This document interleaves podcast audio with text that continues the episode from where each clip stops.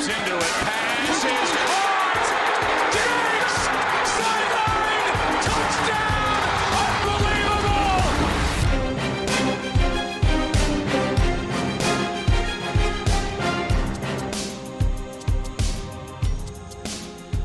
Hoi, leuk dat je luistert naar weer een nieuwe aflevering van de Sport Amerika Fantasy Football Podcast. En eh, nou ja, het begint gebruikelijk te worden dat we met een vaste bezetting zitten hier. Want ik zit hier opnieuw met Jimmy Driessen Hey, hallo. en met Lars Leeftink. Goedemiddag. Nou, eh, Lars, ik denk dat jij niet veel geslapen hebt. Want eh, de Packers die hebben natuurlijk eh, afgelopen nacht al eh, gespeeld met Thursday Night Football. Dus eh, Ja. ik zou zeggen, eh, nee, we zeiden vorige keer al, deze show die gaat vooral over eh, wat voor line-up je aankomende zondag moet gaan neerzetten voor je fantasy voetbal. Maar omdat we dit natuurlijk vlak na de donderdag opnemen, is het wel even leuk om even terug te kijken naar Thursday Night Football. En in dit, dit geval waren het Packers tegen de 49ers, of zoals ik ze heb genoemd in onze show notes, de 24 and a halfers. Omdat nou ja, natuurlijk de, het halve team inmiddels wel ontbreekt. En het zal, en dat was ook te merken. het zal niemand. Nou ja, de, de grootste verrassing nog. Want wij spreken elkaar natuurlijk ook even om de show heen. En de grootste verrassing van deze hele wedstrijd vond ik dat jij net zei. Ik had het spannender gehoopt.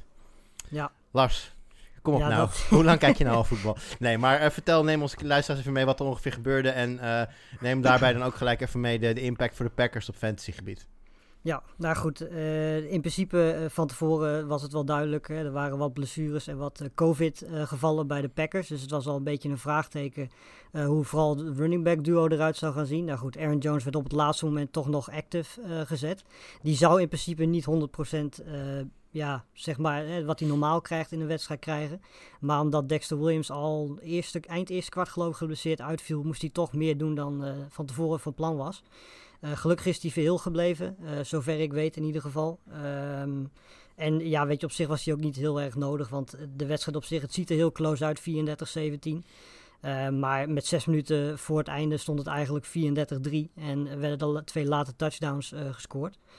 Eh, dus d- ja, heel spannend was het niet. En ehm, nou valt natuurlijk, hè, natuurlijk de combinatie Aaron Rodgers, Devante Adams. Die heeft waarschijnlijk bij heel veel mensen al heel wat leaks eh, in ieder geval geholpen om, eh, op weg geholpen om te gaan winnen. Eh, Zeker. bij mij ook alweer, precies. Dus eh, ja, dat is altijd lekker. Heet dat? eh Ver, Verret stond er ook op, eh, hun cornerback. Maar die had ook niks te vertellen de hele wedstrijd. Ehm, en ja, weet je, daarnaast eh, viel natuurlijk op dat Valdes Scantling weer eens een keertje een wedstrijd had. Hij had eh, volgens mij drie targets, twee receptions en twee touchdowns. Waarvan één eh, diepe bal en één ja, gewoon echt in de buurt van de endzone. Ehm, mensen die nu eraan zitten te denken om hem op te bikken, ga er alsjeblieft niet aan beginnen. Want ten eerste komt eind volgende week Lazard weer terug. Aaron Jones die krijgt samen met Irving eigenlijk al meer targets dan dat Valdes Scantling krijgt op dit moment. Ehm, en het is gewoon eigenlijk het type David Moore en ja, noem ze maar op, Brandon Cooks, dat soort jongens. Die eh, ja, drie, vier puntjes pakken en dan af en toe eens een keer exploderen voor zo'n wedstrijd. Eh, ik denk dat hij in die categorie zit, tenzij hij nu in één keer weer heel veel vertrouwen heeft. Ehm, dat zou, ja, het zou heel mooi zijn, maar ik ga er niet van uit. En daarnaast, eh, ja, Aaron Jones en Jamal Williams gaan vanaf volgende week met anderhalve week rust gewoon weer de starters zijn. Dus Irvin en eh, Williams kun je, als je die dit weekend had opgepakt, of deze week, dan kun je die nu weer droppen. Zeg jij nou eigenlijk dat jij niet tevreden bent met, met MVS, die ik met pijn in mijn hart naar jou heb toegetraind? Ja, dat zeg ik eigenlijk wel, ja. Want het, hij heeft eh, eigenlijk het hele seizoen heel veel kans gehad. Ook zeg maar met, met korte pasen, middenpases. Maar hij laat gewoon echt heel veel vallen. En dan zie je ook bij Rodgers gewoon dat hij gewoon het vertrouwen kwijtraakt. En dan krijgt hij af en toe een keer zo'n lange bal. Ja, en die Ja. kan raakt zijn, soms niet. En dan krijg je dit soort uitslagen. Ja, voor de luisteraars die zich nu afvragen waarom jij in vredesnaam getrade hebt voor MVS, dat was meer dat eh, Lars eh, Ja. mijn, mijn Adams overnam. En ik zei, je krijgt hem alleen als je MVS ook meeneemt. dus eh, dat heb ik gedaan. dat hebben we gedaan. In, Zeker de moeite waard tot nu toe. ja, en voor mij ook wel. Ik kreeg er een eerste en een tweede ronde pick voor terug. Dus eh, voor mij, eh, voor, voor, voor de komende jaren, is- ziet dat er ook een stuk beter uit. Fantasy-wise. Eh, Dynasty-wise moet ik zeggen. Eh, Jimmy, eh, nou ja, goed. De 49ers. Er was natuurlijk al van tevoren duidelijk dat er niet heel veel zou gaan gebeuren daar.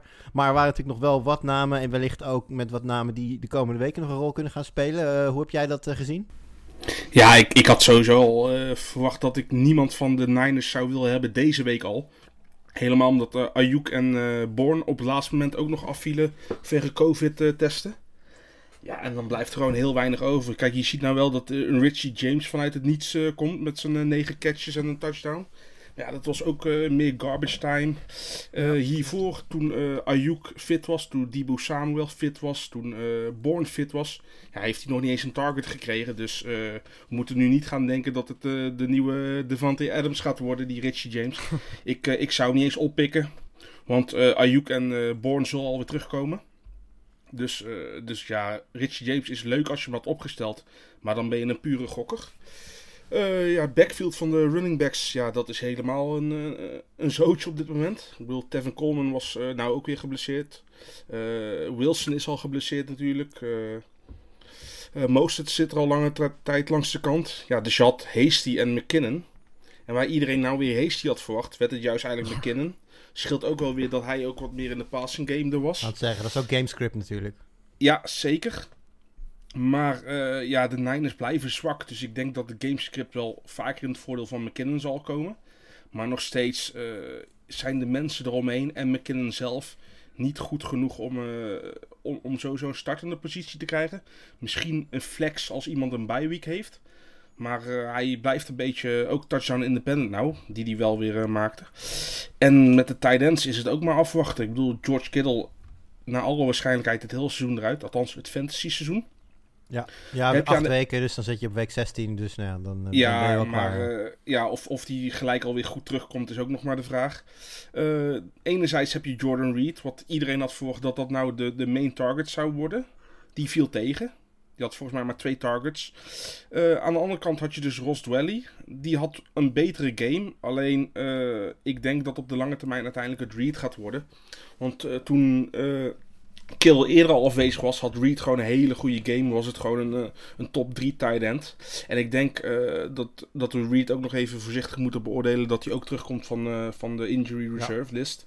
Dus ik denk dat dat uiteindelijk de, de, de pick-up van dit team is. Als die fit blijft. Ja, ja, Ja, dat hij- is ook nog maar de vraag bij Reed natuurlijk. Ja. Hoe, eh, jij, je had het net over een van de wide receivers. Achternaam eh, Samuel. Voornaam Jimmy? Debo. Dibu. Ja, niet Curtis. Ja, ik noem het gewoon, die, ik noem het gewoon Debo. Maar als je zegt Dibu, dan heb je Ja, een beetje het idee dat, dat, hij, dat hij zeg maar... ja, het op, kan ook eh, Debo zijn hoor, maar... dat, hij, op- dat hij op zaterdagavond in de spits speelt bij Brazilië... en op zondagavond balletjes komt vangen bij San Francisco, zeg maar. Gewoon Dibu. Debo Samuel. Ja, Sandwich. Heel goed, heel goed. Eh, nou ja, Thursday Night Voetbal. Ik weet niet of jullie het met me eens zijn, maar ik, ik vind Thursday Night Voetbal altijd een beetje een natte scheet. Als in, eh, Ja. het zijn zelden goede wedstrijden. Ik word vaker op vrijdag uh, zagrijnig wakker, maar dat ik weer een tegenvallende TNF-prestatie heb. Dan dat ik echt, nu, nu dan Adams, ja, dat is een beetje too big to fail, om het zo maar even te zeggen. Wil je, het moet heel raar lopen, wil die niks. Maar ik heb al zoveel. eh, hoe zit dat bij jullie? Ontwijken jullie eh Thursday Night Voetbal als het even kan met je spelers? Start your studs, maar verder?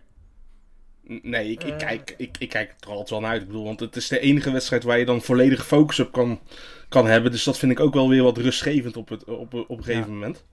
Eh, weg van de chaos van een red zone middag. Maar het zijn inderdaad niet altijd de beste teams. Maar ja, aan de andere kant, eh zondagnacht voetbal was het ook de Eagles tegen de Cowboys. En dat had ook niks met voetbal te maken.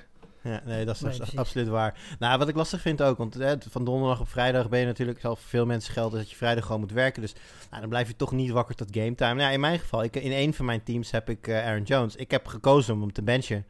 En om, en om die eh, nieuwe running back van, eh, van de Dolphins op te stellen. En da, ja, dat, dat is een gok die je dan neemt. Nou ja, oké, en Jones. welke running back van de Dolphins heb je het over?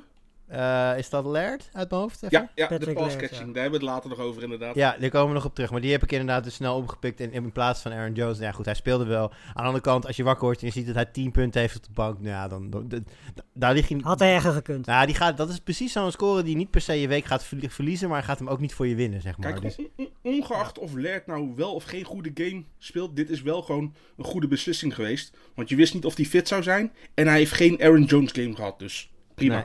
En hij zou inderdaad op eh, wat het dan heet een pitch count staan. Officieel is dan, is dan uiteindelijk wat minder ge- gebeurd dan de bedoeling was. Maar eh, dat was inderdaad de thinking. Goed, gaan wij door naar eh, de games die aankomende zondag en maandag op het programma staan. Het zijn er weer een hele hoop. en ik, ik vind het toch wel leuk. En dat zal dan misschien toch een beetje mijn, mijn, mijn New England achtergrond zijn. Maar om dan te beginnen met eh, de, de, eh, deel 2 van de Grandpa Bowl. Die we natuurlijk in week 1 of 2 al voorbij hebben zien komen. En nu dan de tweede confrontatie tussen de Saints en de Bucks. Oftewel tussen Breeze en Brady. Eh, ja, jongens, die staan natuurlijk. eh, Dit is volgens mij een waslijst aan, eh, aan, fantasy-relevant dingetjes. Ehm, nou, misschien maar gewoon beginnen bij de quarterbacks. Want we hebben Brady natuurlijk een beetje up en down zien gaan. Breeze nog niet helemaal losgekomen. Ehm, zijn dit voor jou allebei twee no question asked starters, Jim? Nee, zeker niet. Brady wel. Maar Breeze vind ik zeker nog niet goed ogen. Dit seizoen. En ja, ik, we weten ook nog niks over Michael Thomas. Ik bedoel, met, met, met Michael Thomas erbij. Wordt het al een wat eh, betere matchup voor Breeze. Maar alleen defensief zijn de Buccaneers ook gewoon heel erg sterk. Dus het is voor mij zeker geen, geen start eh, zonder meer. Maar als je ziet wat, ze, wat je tegen Aaron Rodgers, wat ze hem aangedaan hebben, terwijl hij in bloedvorm is. Ja, Ik denk dat dat ook al wat zegt. Ja, eh, je, zeker. je noemt het al. Het is, misschien is naar de waarde van Breeze wel direct gekoppeld aan de beschikbaarheid van, eh, van Michael Thomas. Eh, heren, wat weten we daar momenteel over? Het, het laatste nieuws is dat hij wel eh, weer heeft getraind. Maar nog steeds niet volledig. Dus ja, ik, durf er niet meer over op te hopen eigenlijk. Je denkt gewoon out for the season dan? Of gewoon... Nee, dat niet, maar het, het, het, het wordt wel een probleemgeval nu. Het is een beetje een kwestie van eh, hou hem op je bank tot je hem daadwerkelijk een keer in het... eh, maar dat is een beetje de grap, hè? Eh, Michael Thomas is een speler die je of heel vroeg hebt getrade in de eerste ronde waarschijnlijk... of je hebt eh, eh, gedraft, sorry, of je hebt ervoor getrade... en daar heb je waarschijnlijk redelijk wat voor, voor moeten opgeven.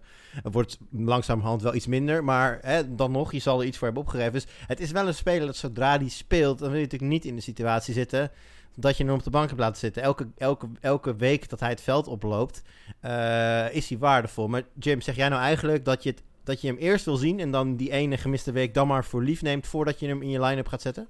Ja, ik, ik heb hem nou toch al in twee leagues al zo lang niet kunnen gebruiken. Dus ja, Ja. Ja, Ik- want het, het risico natuurlijk met Sunday Night Football... Hè, is, stel dat hij daadwerkelijk een game time decision is... nou, die wedstrijd begint even uit mijn hoofd... kwart over twee Nederlandse tijd zo ongeveer. Of ja en als je niemand van de maandagwedstrijd hebt. Ja, dan kun je afwachten. Ja, Maar eh, je zult de gok moeten nemen als hij een game time decision is. En hij, hij- ik, ben geneigd te denken dat hij deze week speelt. oké. Ja, dan, dat, eh, dat, dan, dat, ga je geef dan ik jou tegen de Buccaneers heb ook gestart en hij eh, niet speelt. wat, wat, wat zei je, Jimmy? Dan geef ik jou de schuld als hij start en, en ik zet hem dus erin. En als hij niet Ja. start, Ja, nee, dat een goed. slechte game eh, Maar je, moet nu even, maar je moet nu even naar Lars eh, luisteren. Want Lars zegt iets heel belangrijks over de Buccaneers defense. Oké. Ja, maar precies. Dan zou je dat risico willen nemen tegen een, tegen een Buccaneers defense als hè, eh, deze defense, die ook Adams eh, redelijk heeft kunnen limiteren. Want die heeft volgens mij tegen hun ook een stuk of 10, 11 fantasy punten gescoord. 9. Wat met afstand, ja precies, wat met afstand het minste is wat hij dit jaar gescoord heeft. Ja, Ja. nee. De, de Bucks scoren overal hoog qua, qua defensieve punten tegen. Althans, ze krijgen heel weinig tegen. En ze zijn bijvoorbeeld het 24e team in de league die qua punten tegenkrijgt van de wide receiver. Dus hoe hoger Ja. je staat, nummer 1 krijgt het meeste punten tegen. Ja. En zij staan 24e. Ja, en je hebt 32 ploegen heb je. Dus Het- reken maar uit. Maar dus met de quarterback is dat precies zo. Met de running back, met de tight end. Ja. Eigenlijk is het gewoon een hele lastige situatie als je een stud hebt die je altijd wil starten. Ja. Maar bij de Buccaneers en dan teruggekomen van een blessure en met een quarterback Ja. die nog niet helemaal draait. Ja, ik, Ik, ik zou het alleen, ik zou alleen het vertrouwen als hij bijvoorbeeld over twee weken tegen de Falcons zijn debuut zou maken, dan zou ik hem wel opstellen. Ja, kijk, weet je wat het ook is? Het, het ligt ook geheel aan je, aan je league instellingen. Ook, Hoeveel ja, flex eh, plekken je hebt. Hoeveel wide receivers je zelf hebt. Want ik heb bijvoorbeeld in een league met Thomas heb ik ook een Golladay die, niet, die nog geblesseerd is. Dus ja, dan moet ik dat risico eerder nemen. Ja, stel, eh, stel je hebt bijvoorbeeld iemand als, nou, wat is een beetje een, een wide receiver 2, 3 slash flex. Eh, Christian Kirk. Stel je hebt Christian Kirk op de bank zitten. Of een, eh, eh, of een van, de- misschien, een- misschien een van de eh, Browns receivers die niet, die niet Diggs heet. Zou je die starten over Thomas? Van de Browns receivers die geen dik zijn, bedoel je van de Bills? Sorry, Bills, ja. Ja, hij bedoelt Brown. Ja, John Brown. Eh, tegen wie Ja, Ah, Brown, moeten... Beasley. Ja, ik zal even kijken tegen wie de Browns moeten. Maar, maar dus ook eh, Christian Kirk hè, bij de Ja, nee, bij- nee, bij zeker. Eh, De Bills spelen tegen de Seahawks. ja, dus Bills spelen doen. tegen de Seahawks. Start ik Ja. iedereen van eh, qua wide Precies. receivers. Dus het komt er eigenlijk op neer, eh, heb je, een, heb je een, een, een, een, eh, een wide receiver die op de bank zou houden, eventueel, die, die een aardige matchup heeft, dan is het wat jullie betreft deze week tegen de Buccaneers niet het risico waard om te Ja. hopen op die game time decision voor Michael Thomas. Correct? Yes. Ah, Oké, pakken we door, want eh, Jim, jij zegt net al, je kan in een lastige situatie komen als je start je stuts, maar je stuts staat tegen de, ja, misschien wel de beste defensie in de league. Ja, dat geldt natuurlijk ook voor de man die zich tot op heden, denk ik, eh, Fantasy MVP mag noemen. eh, Elvin Kamara. Daar hoeven we verder denk ik kort over te zijn. Eh Kamara start je sowieso als je hem in je team hebt. Maar eh, in hoeverre moet je de verwachtingen temperen? Ja, voor, voor mij blijft het, ongeacht tegen wie die zit, blijft het een, een running back 1, zeg maar, die tussen 1 en 12 kan eindigen. Dus die start je Ja. gewoon helemaal, omdat hij ook in de passcatching eh heel erg aanwezig is. Want hij, eh, ze, ze vinden vanzelf wel een manier om, om hem wel... eh, precies. ja, Ja, precies. productief Camara. Camara is de enige op dit moment die ik tegen wie dan ook, tegen wie die ook moet spelen, altijd zou starten. Altijd. Zelfs als hij half geblesseerd is.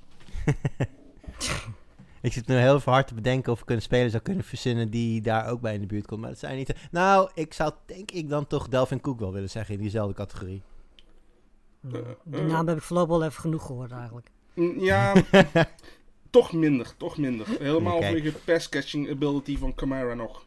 Behalve Ja. als je tegen de Packers speelt, dan moet je hem zeker Ja, maar als je tegen, eh, iedereen eh, tegen de Packers moet je volgens mij gewoon opstellen. Als je tenminste nog spelers hebt om op te stellen. Dat is een Ja, beetje, qua running backs dan, hè, tegen de Packers. Ja, Ja, precies. ja, nou qua running backs tegen de Packers. Ik heb volgens mij afgelopen nacht een no-name wide receiver bij de 200 yards zien rennen. Dus ik weet het niet.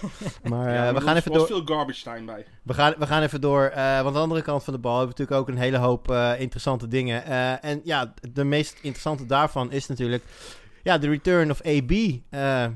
Ja, hoogstwaarschijnlijk. Volgens mij staat het vast dat hij in ieder geval eh, bij, de, bij de selectie zal gaan zitten. Nou, wat zijn rol gaat worden en hoeveel bal hij gaat krijgen, is natuurlijk allemaal af te wachten. En eh, dat is iets waar heel veel fantasy-spelers natuurlijk op eh, gespeculeerd hebben. Ehm, ja, jongens, wat verwachten we ervan? Ja, verwachten we ervan? Nou ja, het ding is een beetje, ding 1 is, je weet niet hoe Brown ervoor staat. Dus je weet niet eh, op wat voor niveau die nu al zit. Ding 2 is, er zijn bizar veel wapens bij de Buccaneers. We hebben twee fantastische running backs. Misschien moeten we het daar ook nog even over hebben. Want op een of andere manier krijgt Fournette gewoon weer meer kansen dan eh, Ronald Jones. Maar goed, Kom- Ja, maar daar Komt wil ik het gewoon niet meer over Komt hebben. door de fumble van Jones. ja, echt waar. Ja, dat zou best kunnen, dat geloof ik wel. Maar dan nog, weet je, om iemand op één... Maar goed, daar komen we zo meteen wel op. Maar eh, dan heb je nog Scotty Miller, je hebt Gronkowski die steeds beter begint te worden. Je hebt Godwin, misschien is hij er niet, dat weten we niet. Maar eh, je hebt Evans, weet je. Dus er zijn heel veel eh, monden die gevoed moeten worden. En als Brown daar ook nog eens een keer bij komt... ja, weet je, ik zou het niet vertrouwen om hem in week 1 meteen op te stellen. Tenzij zijn matchup echt, echt heel erg gunstig is. En tegen de Saints weet ik niet per se of dat het geval is. En jijtje? Nee, ik zou hem sowieso niet eh, opstarten. Die, die man eh, heeft echt al eh, tijden geen wedstrijd meegespeeld. Komt in een heel nieuwe offense. Al heeft hij natuurlijk wel een heel kleine historie met, met Tom Brady. Ja. En daarnaast inderdaad hebben ze Evans, hebben ze Goodwin die waarschijnlijk gaat spelen. En die hebben allemaal ook een duidelijke rol. En van Brown weet ik Ja. gewoon nog niet wat zijn rol gaat worden. En ik- weet je wat het is? Je hebt hem ook niet als top receiver eh, gedraft. Je hebt hem van de waivers geplukt of heel laat in een Dynasty League. Eh, nee, die moet je gewoon lekker een week laten zitten.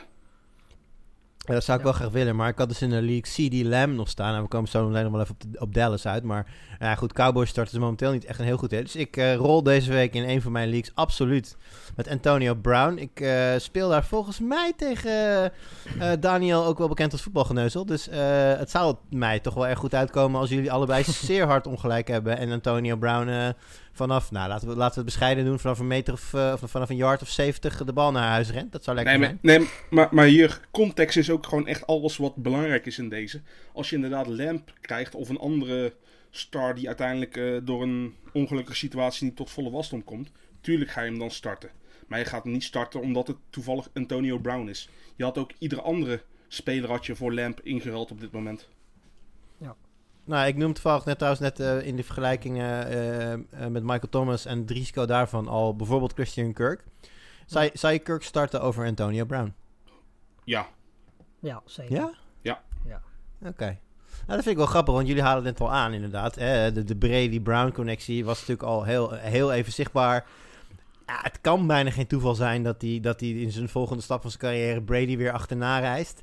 Ik, eh, ik weet het niet. Misschien is het een beetje. Misschien geloof ik te veel in sprookjes of zie ik eh, rook waar geen rook is. Maar ik, ik, ben geneigd te geloven dat daar gewoon een connectie is. En dat, en dat is heel belangrijk dat ze Brown ook eh, willen succes- succesvol willen laten zijn in die eerste wedstrijd. Ze gaan hem, als Ja, ze hem op het veld, als ze hem op het veld gaan zetten, dan gaan ze... succesvol zijn Nee, uiteindelijk. de speler zelf, ja, maar dat bedoel ik niet. Ik bedoel, als, als ze hem op gaan stellen en hij krijgt 30, 35 snaps, dan willen Brady en Arians ook gewoon hem erin gaan betrekken. Ze willen laten zien van hier, weet je wel, dit is Ja, onze nieuwe aanwinst. Maar ik, ik, ik geloof nooit zo in dat force feeden dat dat goed is. Je ziet het ook bij eh, OBG bij de Browns met Baker Ja. Mayfield. Het heeft één goede week opgeleverd.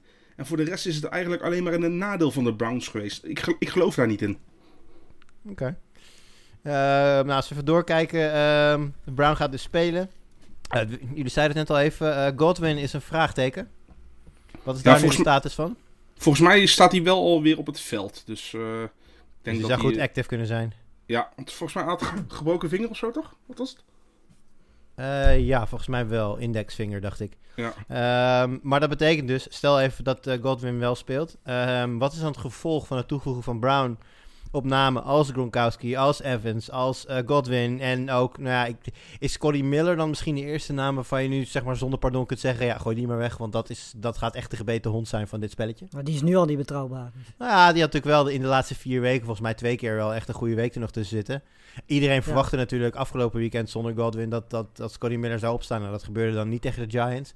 Maar eh, ja, nu met, met Brown er dan ook nog bij en Gronk die een steeds prominentere rol begint eh, te spelen, met name ook in de red Ja. zone. Is, eh, is het dan echt helemaal klaar met Scotty Miller? Ja, ja denk ik wel. lijkt me wel, ja. En ik denk dat nou, mooi. denk dat voor Evans een beetje dezelfde rol blijft bestaan. Dat blijkt nou echt eigenlijk een beetje de, de endzone catcher die heel Ja. erg touchdown afhankelijk is.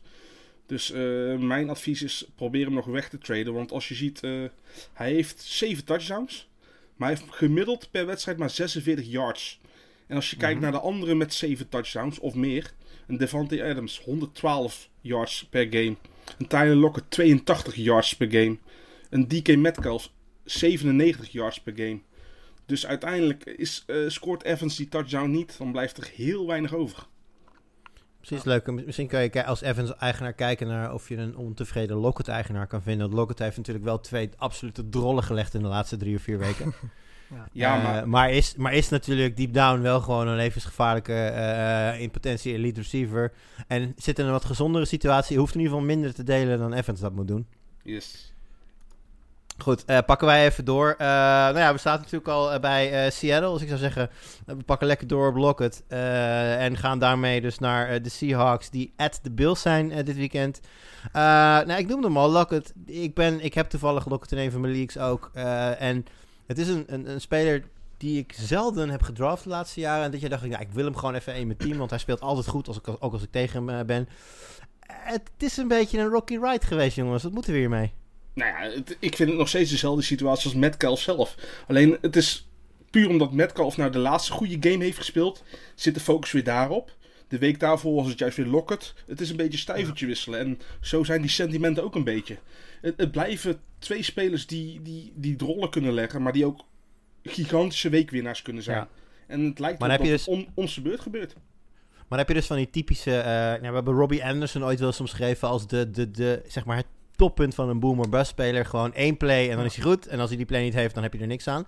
Zit Lockett nou een beetje in die categorie in de buurt? Of is het wat jullie betreft toch echt wel meer een elite receiver?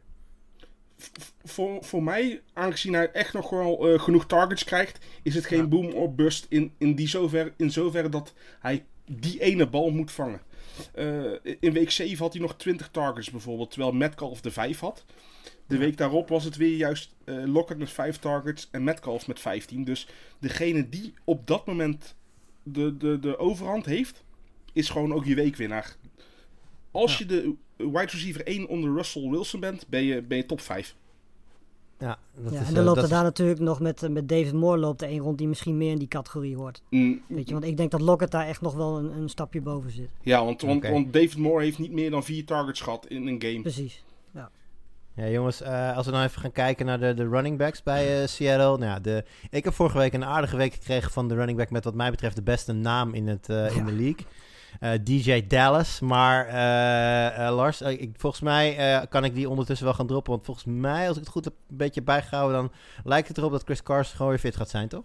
Ja, nou, Hyde is in ieder geval oud van wat ik weet. Eh, Homer, ja, die kan, die is volgens mij limited practice, dus die was volgens mij, eh, die is sowieso niet 100. Maar het, het is dus in ieder geval Carson of, eh, Ja, of Dallas. Maar goed, als Carson terug is, dan heeft Dallas natuurlijk een veel minder grote rol. Dan is Carson gewoon de eerste running back. En mochten ze geen risico nemen met Carson, dan is Dallas natuurlijk de eerste running back. En hij heeft wel laten zien, denk ik, dat hij die rol best prima in kan vullen. En zeker tegen Buffalo komend weekend, denk ik dat hij wel weer genoeg kansen gaat krijgen. Mocht Carson niet spelen. Uh, om dan in ieder geval zat punten te, te pakken. Maar goed, inderdaad, als Carson speelt, dan uh, heb je ja, in Dallas moet, niet zo heel veel meer. Moet er wel even aan toevoegen dat, hij, dat Carson in ieder geval uh, gisteren donderdag nog niet getraind heeft. Ja. dus dat is misschien wel een klein waarschuwingspuntje. Jimmy, hoe ga jij deze situatie tegemoet? Nou ja, weet je wat het is? De waves zijn zo, al, zo toch al geweest. Dus ik denk niet dat mensen Dallas nu al hebben gedropt. Ik zou hem ook zeker nu nog niet droppen. Voor iemand die nee. echt een free agent nee. is. Ik zou hem gewoon rustig afwachten. Weet je, hij heeft je ook niks gekost. Hij komt van de Ravens af. Hoogstens wat uh -huh. vaap. Ja. Is Carson terug, kan je hem dan altijd nog droppen. Is ja, Carson er niet, voordeel... dan zie je hoeveel punten die kan halen. Het voordeel is wel dat uh, Seattle is natuurlijk als, uh, als Westkust-team normaal gesproken een van de teams die wat later speelt. Of, of zelfs uh, pas, pas echt laat op de avond. ze staan nu in de early window. Ja, ze spelen natuurlijk bij Buffalo. dus dat betekent, dat, je, dat betekent ook, want normaal gesproken moet je dan al eigenlijk om 7 uur de keuze maken of om de vervanger op te stellen. Maar je kan deze situatie dus ook als je niet toevallig de backup in je team hebt, uh, gewoon rustig aankijken en dan om uh, kort voor 7 uur een beslissing nemen. Um, even kijken, bij Buffalo uh, krijgen we de vraag van een van onze luisteraars, Josh Ackie. En die vraagt zich af, is het al tijd om Zach Moss op te stellen? Ja, zeker. Bedoel, uh, vorige week is voor het eerst is de snapcount uh, omgedraaid tussen Singletary en, uh, en, ja, en, Mos. en Mos. En ik denk dat het uiteindelijk steeds verder zal gaan. En ja, ja ik, Zach Moss is ook iemand die in de red zone en in de endzone aanwezig is. Dus, dus hij kan ook gewoon zomaar een touchdown weer binnenlopen. ik Seattle heb, ik vind heb ik verdedigend zwak dit jaar. Dus de kans op punten zijn er genoeg. Alleen dat zit voornamelijk in de wide receivers van Buffalo. Maar ook zeker voor de running backs liggen de kansen. Ja, dus, ik, uh, met, Moss, met Moss en Singletary heb ik alleen wel een klein beetje hetzelfde als ik bij, wat ik bij de Buccaneers dan heb met Jones en Fournette. Dat het gewoon op any given week heel lastig is om te voorspellen welke van de twee het die week gaat zijn. Zeker, zeker. Alleen uh, tot nu toe uh, had Singletary steeds de bovenhand in, in het aantal snaps. Natuurlijk is Zach Moss ook geblesseerd geweest. Maar uh, tot nu toe was het hoogste aantal 47% uh, van Zach Moss.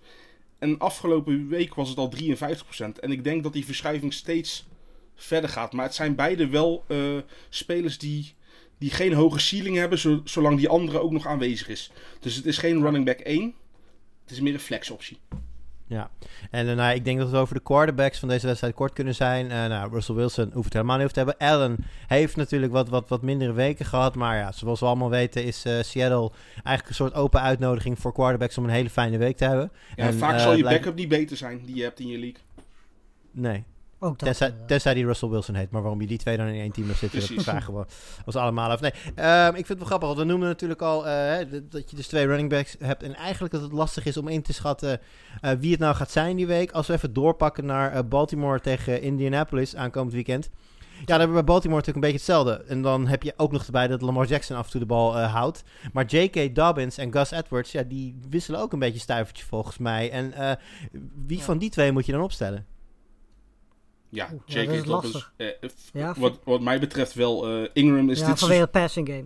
Ja, en Ingram is dit seizoen zo langzaam. Ingram is volgens mij oud.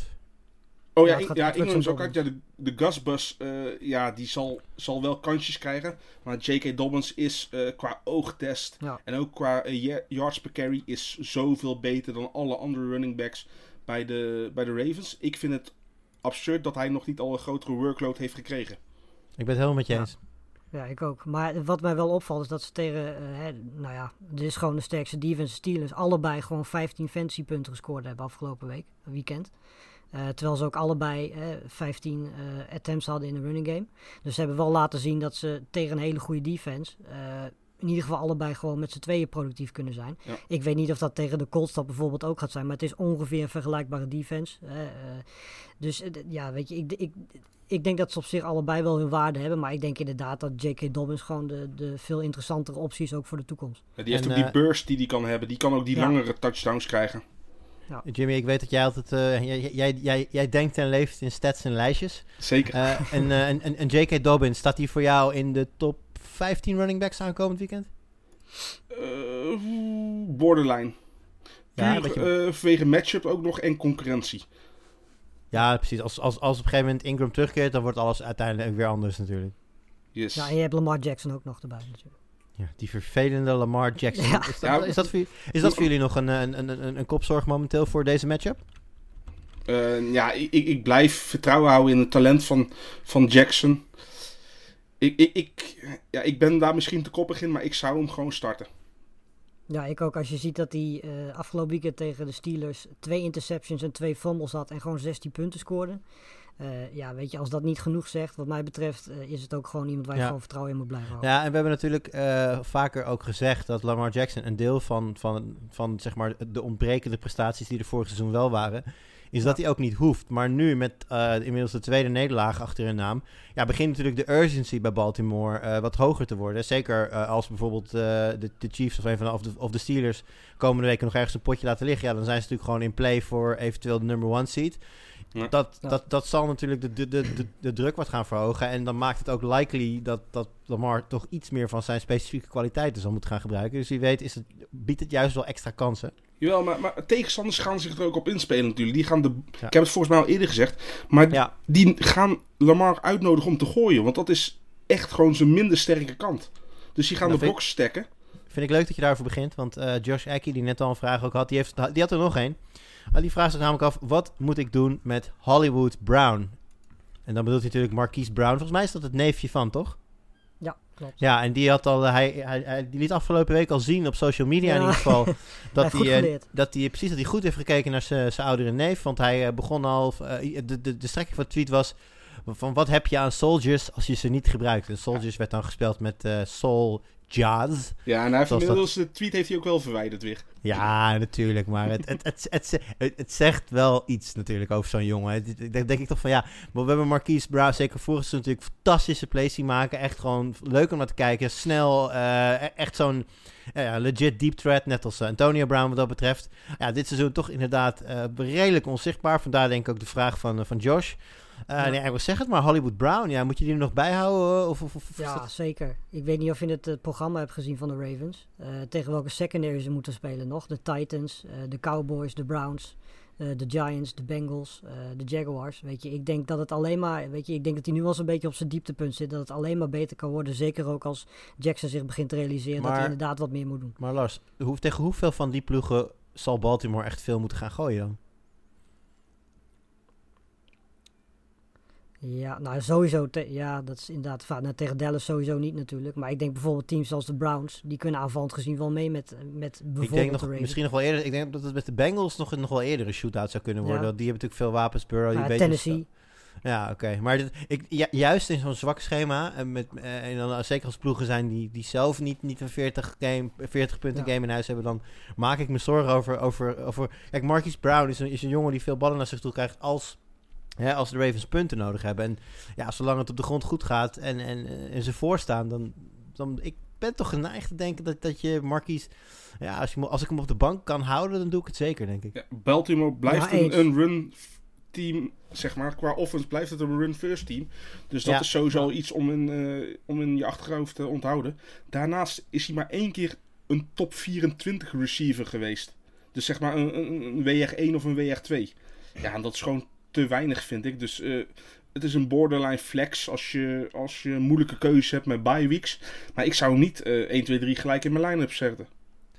Nee, Ja. maar ik dacht dat je het had over opgeven. Dat, dat Nee, nee, nee. Weet je, opgeven Nee, je is gaat hem niet naar de waves eh, gooien. Nee, nee, zeker niet. Nee, precies. Nee, Nee, oké, nee. voordat je dat doet, Nee, ga je maar ik sowieso zal, hem, ook- kijken. ik zal hem ook zeker niet starten, laat dat duidelijk zijn. Nee, voor, voordat je hem dropt, ga je sowieso kijken of iemand die toevallig Antonio Brown heeft ook het neefje erbij wil hebben zijn team. Ja. Dat is toch leuk. Eh, als, als jullie er daarvan trouwens eentje moeten starten aankomend weekend, is het dan Antonio of Marquise? Allebei niet. Nou ja, als ik eentje moet kiezen, nog steeds Marquise. Want je, Ja, je, je weet dat hij zijn upside heeft. Hij heeft Ja, het dit is- hele seizoen al gespeeld. Van Brown weten we niks. Alleen wat hij eh, drie jaar geleden dat hij goed was. Jij hebt, eh, jij hebt je heuvel gevonden, of niet Jim? Ja, nee, ja ik, ik, blij, ik, ik, ga, ik ben bereid voor deze take echt op een heuvel te, te, te sterven. Ja, ik hoor het ja. Het maakt, het maakt helemaal niet uit wie ik noem. Jij gaat, eh jij gaat Isaiah, I, hoe heet die? Isaiah Ford, waar de, waar de Patriots voor getrade hebben dan. Ja. Jerry Rice kies ik nog eerder. Ja, oké, maar uit out of respect zou ik hetzelfde doen. Precies. Eh, goed jongens, gaan we doorpakken. Ehm, ja, we, we zeiden het al met Thomas, blessures, kunnen, blessures en terugkerende spelers. Dat eh, is soms een reden om goed na te denken over wat je gaat doen. En eh, ja, de eh, eigenaren van wat toch de afgelopen jaren de beste en meest waardevolle running back was, Christian McCaffrey, die eh, hebben waarschijnlijk goed nieuws. Of daar hebben we goed nieuws voor, moet ik zeggen. Want het lijkt er toch zeer op dat Christian McCaffrey aankomend weekend tegen Kansas, Kansas City notabene zijn return gaat maken bij de Carolina Panthers. Ehm, ja, jongens, die gereserveerdheid die je dan hebt bij een terugkerende speler. We hebben het altijd bijvoorbeeld met, met Aaron Jones al over een pitch count. eh, dat ze hem toch in bescherming willen nemen.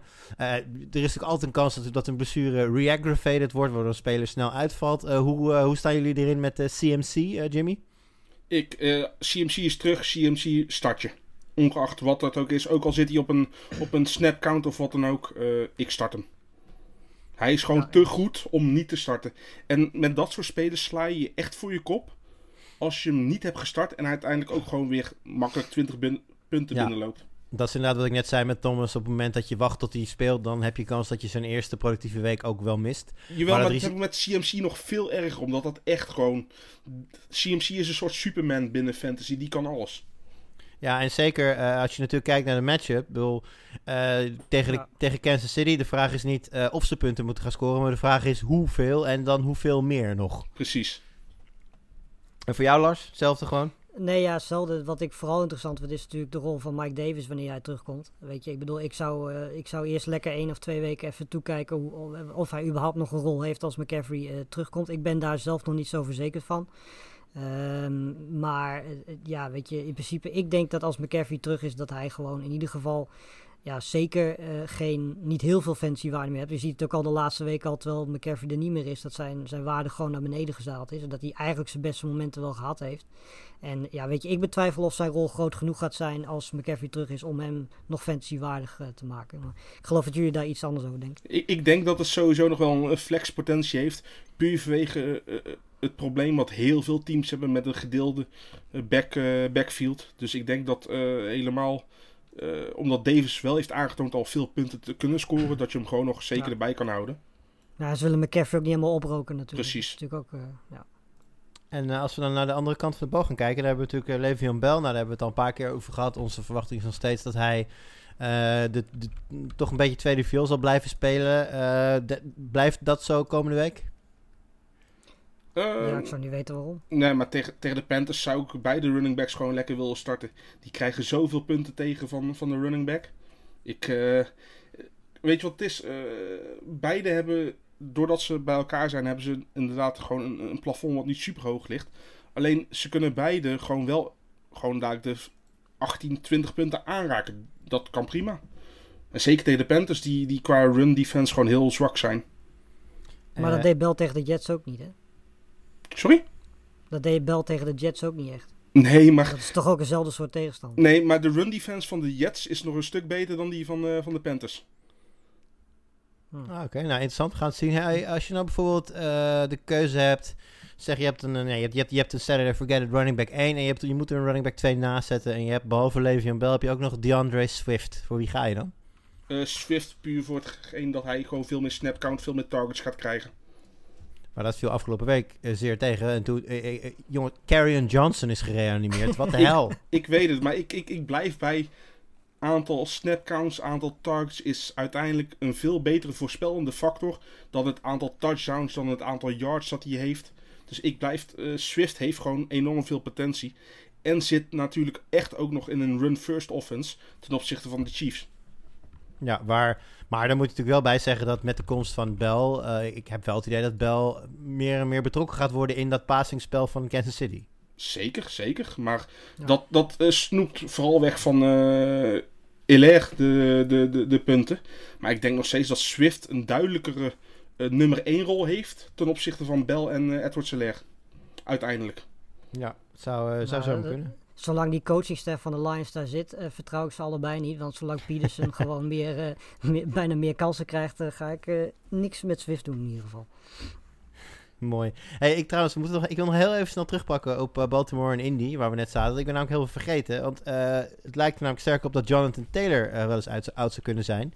En dat opent natuurlijk de deur bij uh, Indy voor uh, dan wel Naeem Hines, dan wel Jordan Wilkins. Uh, ik was heel even benieuwd. Dat is natuurlijk, het is lastig om, om, om running back value te vinden. Zeker wat later in het seizoen als er veel geblesseerden zijn en zo. Maar dit zijn twee namen die over het algemeen nog wel vaak opgepikt kunnen worden. Ik kan me goed voorstellen dat sommige mensen misschien wel beide hebben opgepikt. En nou, sowieso hadden van ik kijk zondag wel wie ik dan ga starten. Wat is jullie advies aan die mensen? Ik denk in een PPR League dat Heinz sowieso wel al eerder weg was. Omdat hij natuurlijk nog veel meer in de ja. passing game zit. En daarom zou ik ook eerder Heinz dan Wilkins zou ik, uh, opstellen. Puur het feit, uh, blijkbaar worden ze alle twee als red zone back gebruikt. Getuigen ook de twee uh, touchdowns van Heinz. Maar hij heeft gewoon een veel hogere floor. Ik bedoel, Wilkins, dit is pas zijn eerste echte goede game. Daarvoor had hij zelfs een keer negatieve punten gescoord.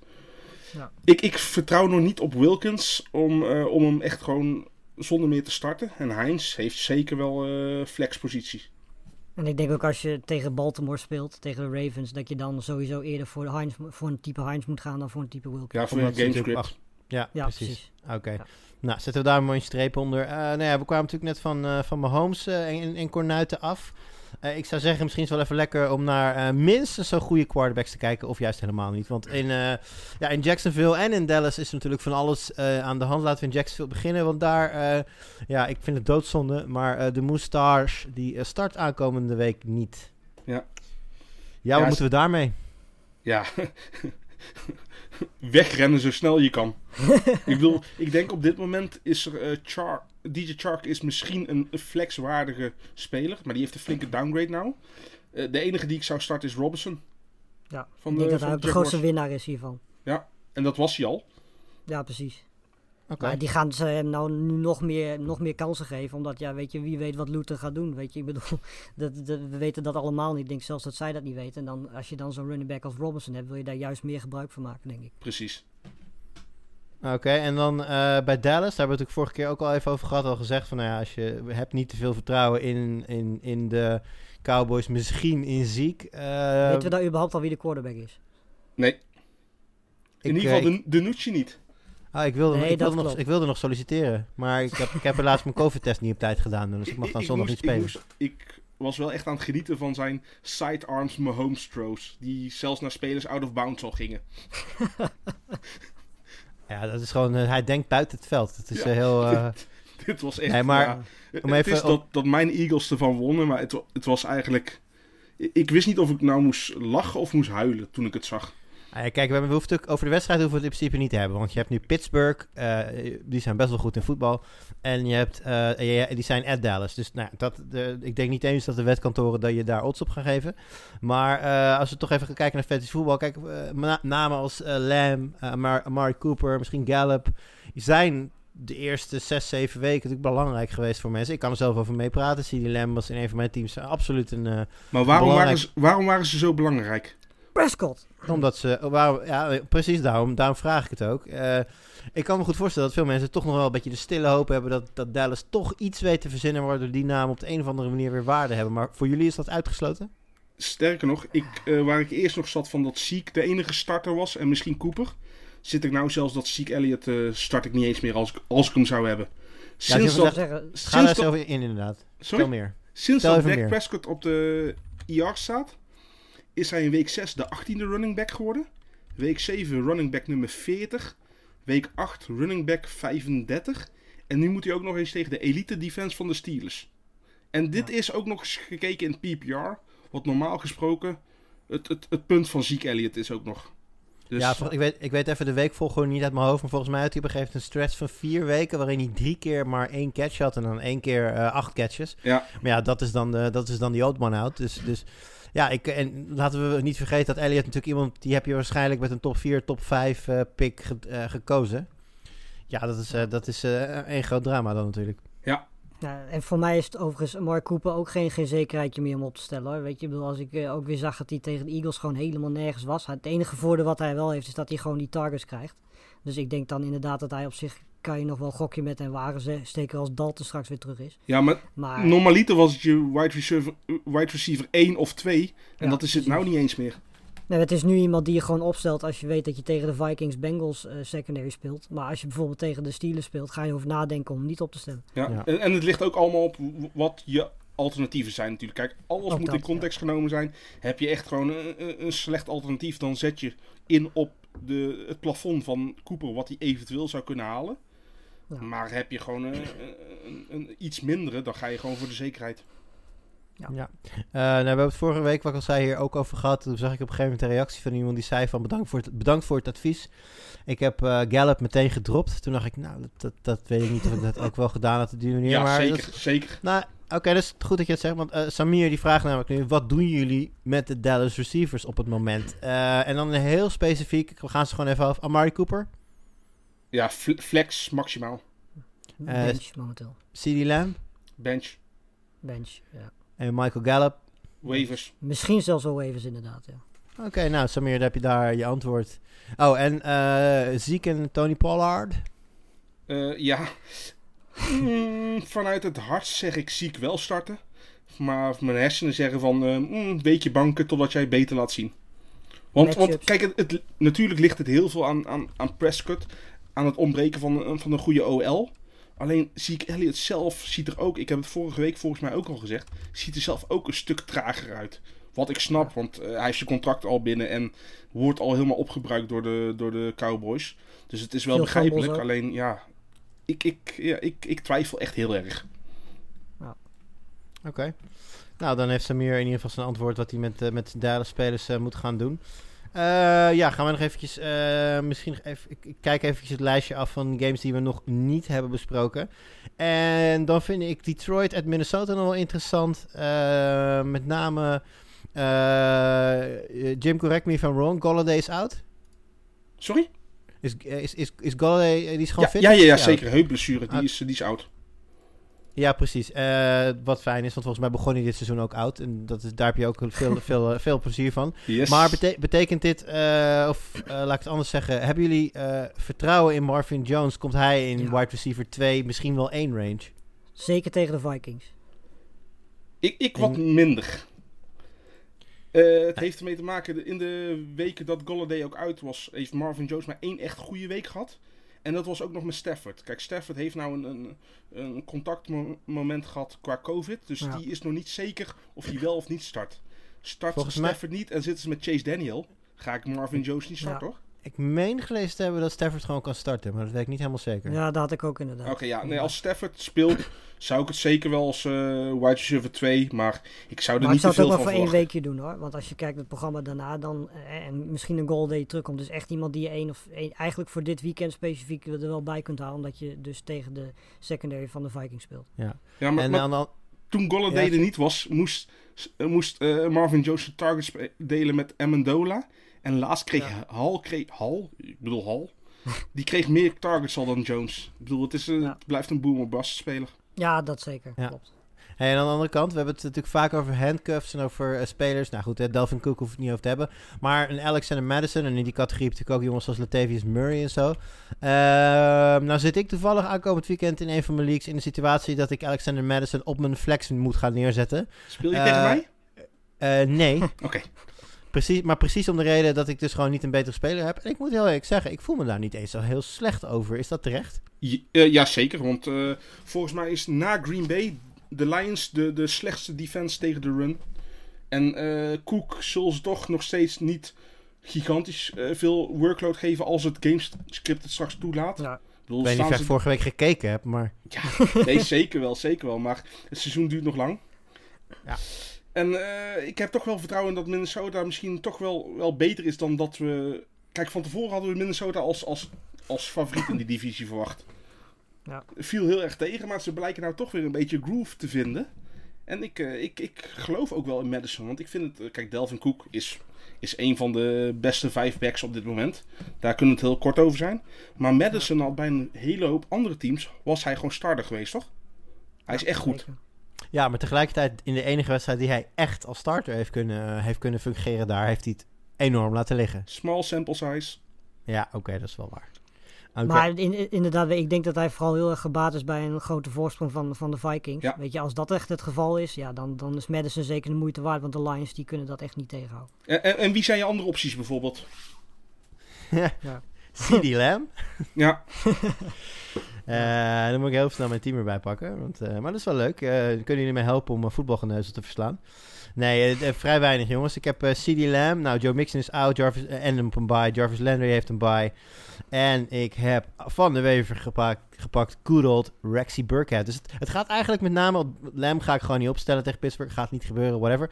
Uh, dus gaat, speelt tegen de Jets, toch? Ja, Rex Burkhead tegen de Jets of Madison tegen Detroit. Ik vind het, ik vind het een hele lastige. Ja, is het ook. Ja, ja snap ik wel. Maar aan de andere kant, uh, bij, tegen de Jets verwacht je inderdaad dat New England veel de running game gaat doen. Maar dan heb je Cam Newton die de running game gaat doen. Ja. Plus je Harris. hebt ook nog eens Damien Harris. Oh, zal ik het nog eens, zal ik het nog eens interessanter maken? Ik heb ja. namelijk ook, want in, dat is ook een team waar ik Christian McCaffrey in terugkrijg. En dus moet ik gaan bepalen wat ik met Mike Davis ga doen. Dus die flexpot zou ook nog eens naar Mike Davis kunnen gaan. Uh, Davis of Madison is mij op dit moment om het even, hoor. Ik zou toch van Madison gaan vanwege de matchup dan. Ja, maar weet je wat met Davis, en daar hebben we natuurlijk al een paar keer over gehad, over het risico, weet je, bij, bij terugkerende dingen. Stel, er gebeurt ja. iets met McCaffrey, dan ben je dolblij als je in je fancy line-up zijn backup in ieder geval erin hebt. Of, of ja. Snap ik, alleen Jurg Koek blijft nog steeds ook een hele blessuregevoelige speler. Dus dat heb je ja. met Madison precies hetzelfde. Oké, okay, nou als ik, door jullie, als ik niet win van voetbalgeneuzel, is het jullie schuld. Zeker. Oké, okay, uh, pak me nog heel veel door. We zijn er bijna doorheen. Uh, wat ik nog wel leuk vind. dit ga je ik vind alles geloven. leuk. Ja, ik vind alles Zeker waar. Maar dit is, uh, dit is... Ik vind de New York Giants at Washington voetbalteam. Uh, waarom vind ik die leuk? Inderdaad, dat zijn twee defenses die, die nou ja, misschien zijn ze afgelopen werfperiode opgepikt in de league, maar mochten ze nog staan en mocht je een defense nodig hebben, dan is dat wellicht een hele interessante optie aan beide kanten ook echt. Dus ja, is, uh, en zeker aan ja. Washington's kant, want uh, ten eerste ja. vind ik de defense goed van Washington. Zij is volgens mij echt een top 6 defense dit, dit jaar. En daarnaast is Daniel Jones, de quarterback van de Giants, gewoon koning turnover. Ja, precies. Ja. ja. Ik bedoel, zijn er nog ja. Washington is voor mij deze week een top 3 defense qua, qua mogelijkheden. Oké. Okay. Ja. Nou, uh, ik doe je voordeel mee, zou ik zeggen. Uh, zijn er nog dingen, jongens, waar jullie nog bij stil hadden gestaan? We hebben een paar uh, games niet behandeld, maar er zat niet echt per se iets bij waar ik het nog heel graag over wilde hebben. Is dat voor jullie anders? Backfield van de Dolphins. Ja, inderdaad. Ja, want uh, Miles Gastian staat natuurlijk nu op uh, IR, dus die mist ja. sowieso de komende drie weken. Hoe gaat het daar verder, Jimmy? Ja, uh, Breda, die is ook geblesseerd aan zijn hamstring. hij is nog niet gezegd dat hij niet kan meedoen, maar ja, een hamstring zijn ze altijd heel erg terecht voorzichtig mee. Dus ik verwacht niet dat hij gaat spelen. Daarnaast hebben ze ook nog Washington van de Chiefs gekregen. Die zit nog in COVID-protocol, dus die kan ook al niet spelen. Dus wat krijg je? Je krijgt Jordan Howard die eigenlijk de laatste weken een, een healthy scratch was. Dus iemand die wel had kunnen spelen, maar gewoon niet bij de selectie zat. En je hebt Laird, dat eigenlijk de beetje de, de pass-catching back is. Ja. En uh, ja, weet je wat het is? Uh, het zijn wel beide starters die je zou kunnen gebruiken, die je van de waves hebt kunnen pikken. Die je kan gebruiken als iemand een flex uh, week heeft, bijvoorbeeld als vervanger van Mixon. Uh, maar ja, Howard heb je heel veel geluk nodig dat ze touchdowns scoren. Hij, moet er, uh, hij, hij is echt volledig afhankelijk van, uh, van touchdowns. En Laird zal heel veel gamescript afhankelijk zijn, omdat zijn passing game natuurlijk het meest belangrijke ja. wapenfeit is. Ja, oké. Okay. Dan uh, wat mij betreft sluiten we hem hier af uh, wat betreft uh, de, de games voor aankomende week. En nee, inderdaad, we hebben het niet over New England at at the Jets gehad. En daar laten we het ook gewoon lekker bij. ik wil dus nog heel even kijken naar wat namen die eventueel kort voor het begin van de wedstrijden zondag zou kunnen oppakken. Normaal gesproken hebben we daar een mooi lijstje voor voorbereid, maar dit keer niet. Dus ik zit het gewoon live bij elkaar te, te zoeken. Maar ik denk dat het goed is om even aan te stippen die running back situatie van Seattle. Want ik zie bijvoorbeeld in een van de leagues waar ik nu aan het rondkijken ben, dat DJ Dallas daar gewoon op de uh, op de wire staat. Datzelfde geldt trouwens voor Jordan Howard. Ook nog, wat ook nog wel eens een interessante naam zou kunnen zijn voor aankomend weekend. Darnell uh, Mooney? Is die al... Juist, ja, die wil ik ook gaan ja, doen. Darnell Mooney, wide receiver van de, van de Bears. Nog steeds ja. wel duidelijk tweede man achter Allen Robinson. Maar Titans lijkt inmiddels uh, Anthony Miller al voorbij gestreefd. Ja, en gunstige matchups tegen Titans en Vikings. Dus Zeker. dat lijkt mij een redelijk logische... Ja, en, ja, en ik heb... Dan ik heb heb nog misschien nog boeken Ja? van, uh, van de Raiders. Mocht Jacobs, uh, want ik weet niet precies zeker of die gaat spelen, of die fit genoeg gaat zijn. Nee. Maar als die uitvalt, is Boeker in ieder geval wel een interessante naam, lijkt mij. probleem blijft wel dat de Raiders natuurlijk ook een hele slechte offensive Ja. line hebben. Uh, een, Ja. een Josh Jacobs kan daar nog mee omgaan, omdat hij gewoon een natuurtalent is. Een Booker of Ja. een Jalen Richard zal dat veel minder hebben. En, Ja, ik eh, zag tr- trouwens ook nog ergens Chenault, eh, zag ik ook nog in een paar leagues uh, beschikbaar zijn op de FA. Die speelt tegen Houston. Nou is natuurlijk de grote vraag wel hoe die quarterback het gaat doen. Weet je, we hebben net gezegd dat Robinson waarschijnlijk wat meer kansen krijgt. Maar ik zou Chenault tegen, tegen de Texans zou ik op zich ook wel een uh, keuze vinden. Omdat nou, hij en in ja, precies, dat wil ik net zeggen. Game, hij, ja. heeft, uh, hij heeft natuurlijk wel het voordeel dat ze hem op meerdere... Al die, ja. al die, die end-arounds en dat soort dingen die, die bij Kansas bijvoorbeeld naar heel gaan... Dat, daar is Chenault vaak degene die dat ja. bij, uh, bij hen oplost. En de Texas defense is gatenkaas dus. Ja, maar, maar, volgens mij zit hij... Ik, ik weet niet wat zijn, wat zijn, hoeveel procent die geoond is... maar in de leagues waar ik zit is hij meestal eigenlijk al weg. Ja, nou mocht, mocht hij er nog staan, dan uh, is het misschien het overwegen waard. Hey, uh, nog een laatste naam die ik nog interessant vind. Jimmy, ik weet dat jij heel sterk kijkt naar targets en niet zozeer naar resultaten. Als ik jou nou vertel dat Michael Hartman afgelopen week 9 targets had. Is dat voor jou reden om, uh, dat, om hem meteen een stuk serieuzer te nemen? ja, maar daar komt ook nog eens bij het feit dat hij een, een, een, een, zijn, krijgt hij aangegooid van Mahomes. ja. Dat is op zich best wel belangrijk. Of jij ze via Chase Daniel binnenkrijgt, Daniel Jones of Patrick Mahomes. Tuurlijk, ja. kijk, ik, ik wil altijd wel uh, spelers van een goed lopende offense met een duidelijk plan. Het blijft een field stretcher, dus wel iemand die ook gewoon kan busten. Maar ja, zijn ceiling ligt immens hoog natuurlijk. En als ik jou nou vertel dat afgelopen woensdag uh, in een limited fashion heeft meegetraind Sammy Watkins. Wat verandert er dan nog voor jou aan Michael Hartman? Uh, ja, dan ben ik toch al wat meer gereserveerder uh, daarin. Aan de andere kant, uh, Watkins en Hartman hebben wel twee verschillende rollen. Want op, op zich dacht men in het begin, toen Watkins geblesseerd was, dat Hartman heel veel de rol van Watkins zou overnemen. Is toch minder ja. gebeurd dan verwacht. Ze blijven ieder een eigen rol hebben. Ja, nou, okay. Ik zou de gok niet willen wagen, omdat weet je, tegen Carolina is de kans groot dat de Chiefs snel op voorsprong komen. Weet je, als, ze dan, als dat inderdaad het geval is. En tegen de Jets uh, niet? Uh, dat klopt, dat is waar. En het, weet je, Hartman is natuurlijk ook gewoon iemand die met één of twee plays uh, je fantasy week kan, uh, kan redden. Kijk, dus het is inderdaad wel een interessante naam. Kijk, maar ik zou de gok in principe niet durven wagen. Kijk, je moet het ook altijd zo zien. Heb jij spelers die steady zijn in je line-up, dan kan je echt wel één of twee van deze spelers erbij doen. Want ja. ze kunnen je league wel winnen, zeg maar. Maar ze verliezen hem niet omdat de rest allemaal nog steady is. Maar ja, heb je vijf van dit soort spelers, dan zou ik dus echt wel overwegen om hem niet te starten. Ja, tenzij, je, tenzij je in de projectie zeg maar 30 punten achter ja, staat ten opzichte van je ja, tegenstander. Dan, dan, moet je op zoek naar jongens die inderdaad, en dan heb je er misschien wel drie nodig, die inderdaad uh, een, een 25 punten game in hun benen hebben zitten. En dat is maar ideaal voor je. Context is belangrijk. Goed, in die context gesproken, uh, mocht je nou uh, denken van ik ga uh, een van die Chiefs oppikken, let er dan wel op dat je dat doet voor deze week en niet voor volgende week, want volgende week hebben de Chiefs hun bye. En datzelfde geldt voor de Jets, de Cowboys en de Falcons. Dus wij zeggen altijd, probeer op zondag voor de wedstrijden te beginnen alvast te kijken naar volgende week, omdat je op zondag mensen gratis van de free agents af kunt halen zonder dat het je je wa waiver wire pick kost. En dan heb je je vervangers alvast op de bank zitten. goed, dat was het voor deze week. Jongens, dank jullie wel. Yes. Yes, graag gedaan weer. Wij spreken elkaar wat mij betreft uh, volgende week weer. Jullie allemaal veel succes bij je teams. En dat geldt natuurlijk ook voor onze luisteraars. En tot volgende week.